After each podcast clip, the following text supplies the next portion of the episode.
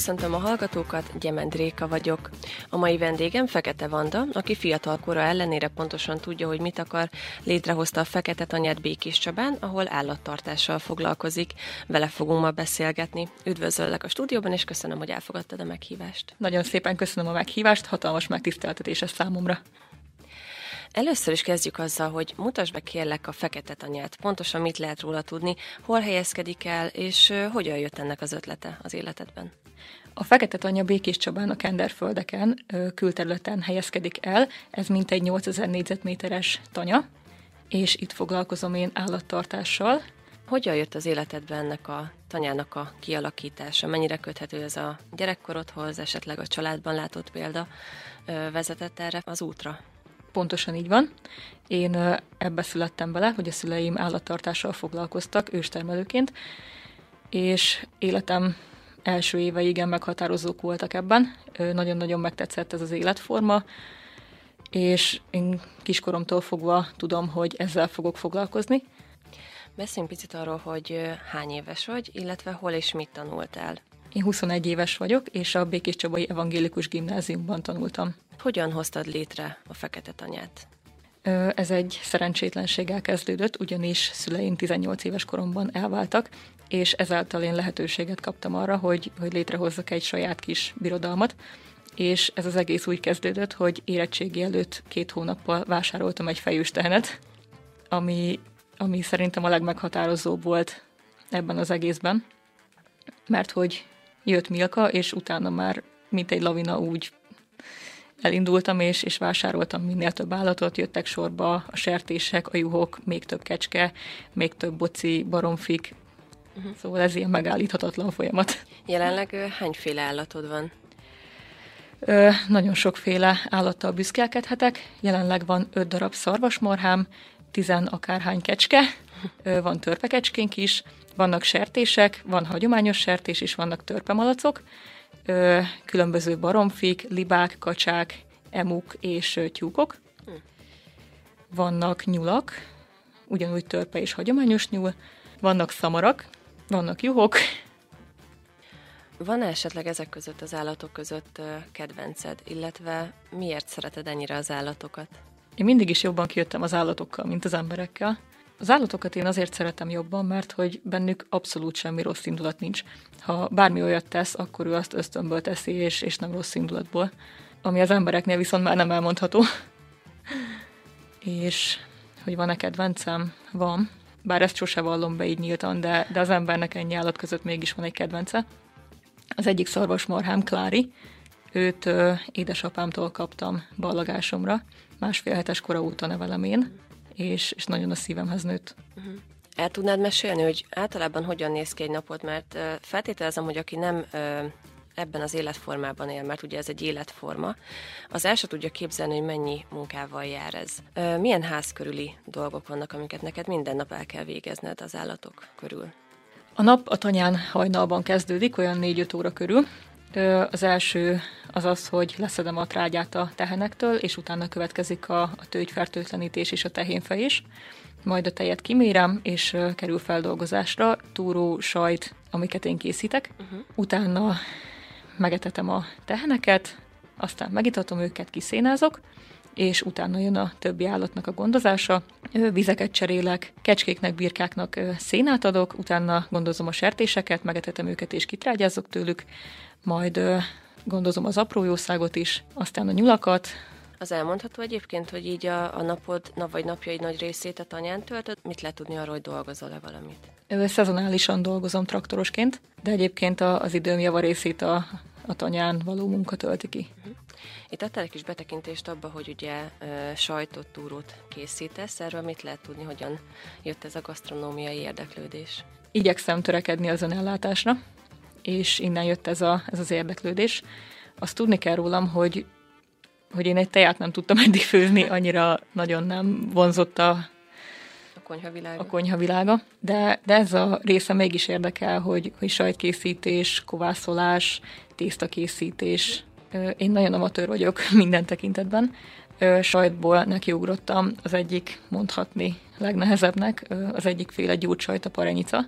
Most kezdem már hát olyan harmadik, negyedik alkalom után egyáltalán kapizsgálni, hogy miről van itt szó.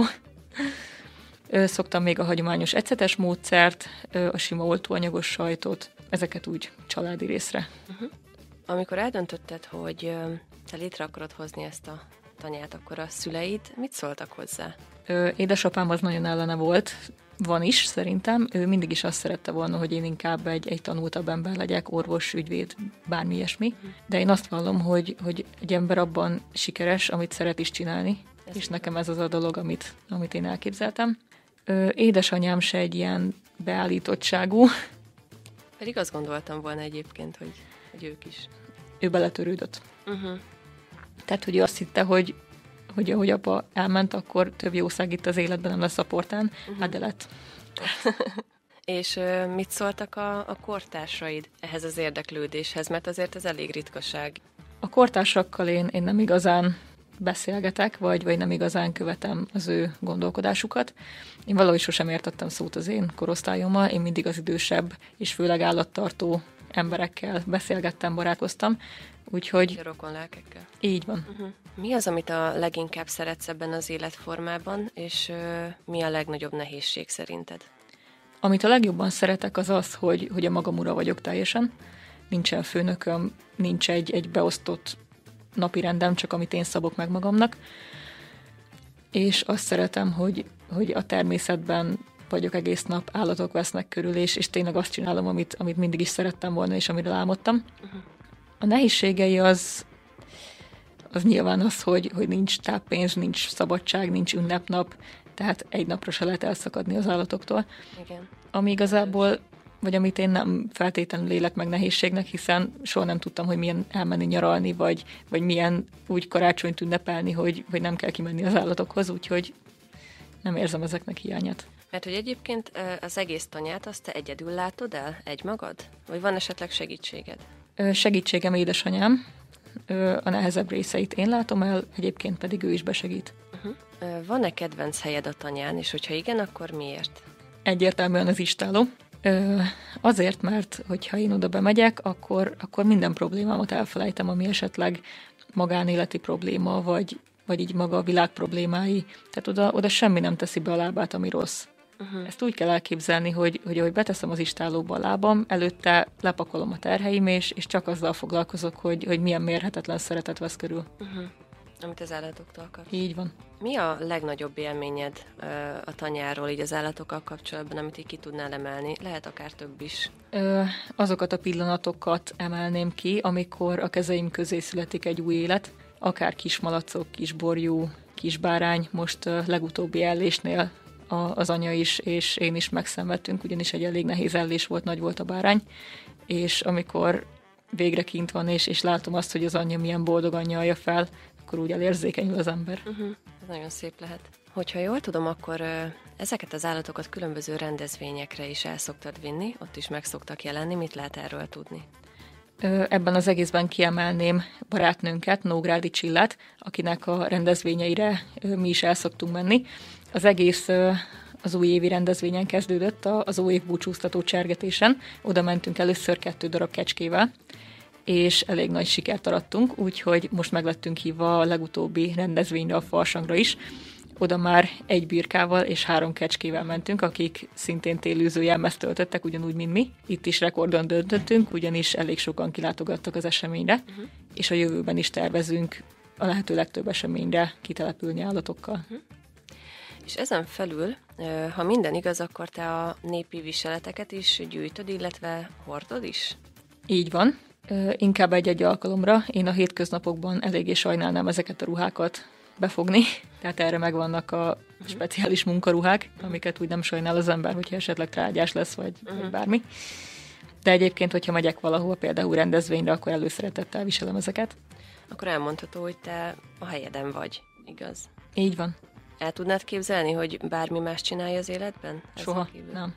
Mik a közeli, illetve a távoli terveid? Hol látod magad néhány év múlva, három-öt év múlva? Erre így pontos választ nem tudok adni, ugyanis tőlem, hogyha két évvel ezelőtt megkérdezték volna, hogy én, én most hol leszek, én simán rávágtam volna, hogy, hogy fejegetem a tehenemet, és álmomban nem gondoltam volna, hogy, hogy ezt 21 éves koromra létre tudom hozni, ami most van.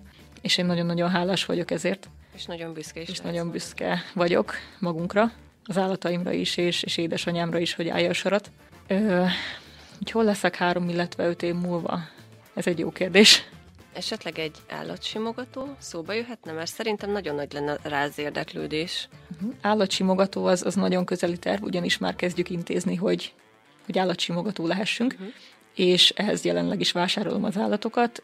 Most egy setlandi póni és egy szürke marha bikaborjú fog érkezni a tanyára.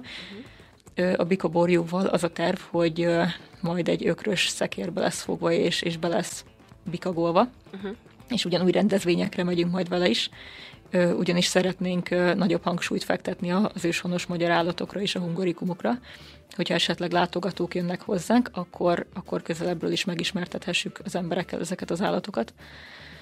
Úgyhogy az állatsimogató az hónapok kérdése. Ö, emellett sokkal nagyobb hangsúlyt szeretnénk fektetni mi is a rendezvényezésre, akár saját rendezvényeket létrehozni tanyán, városban, bárhol, ahová hívnak bennünket, Ö, és az állatsimogató mellett nagyon szeretnék létrehozni egy tanyamúzeumot, ahol majd későbbiekben szeretnék bemutatókat tartani az embereknek, például szappankészítésről, sajtkészítésről, kovászolásról, mindenről, és ahol a régi paraszti tárgyakat, vagy tárgyaimat tudom majd tárolni, amiket összegyűjtöttem, és, és tényleg berendezni egy, egy kis parasztházat. Jelenleg egyébként látogatható a tanya? Most jelen pillanatban még nem. Márciustól tervezünk látogatókat fogadni, egyelőre ingyen.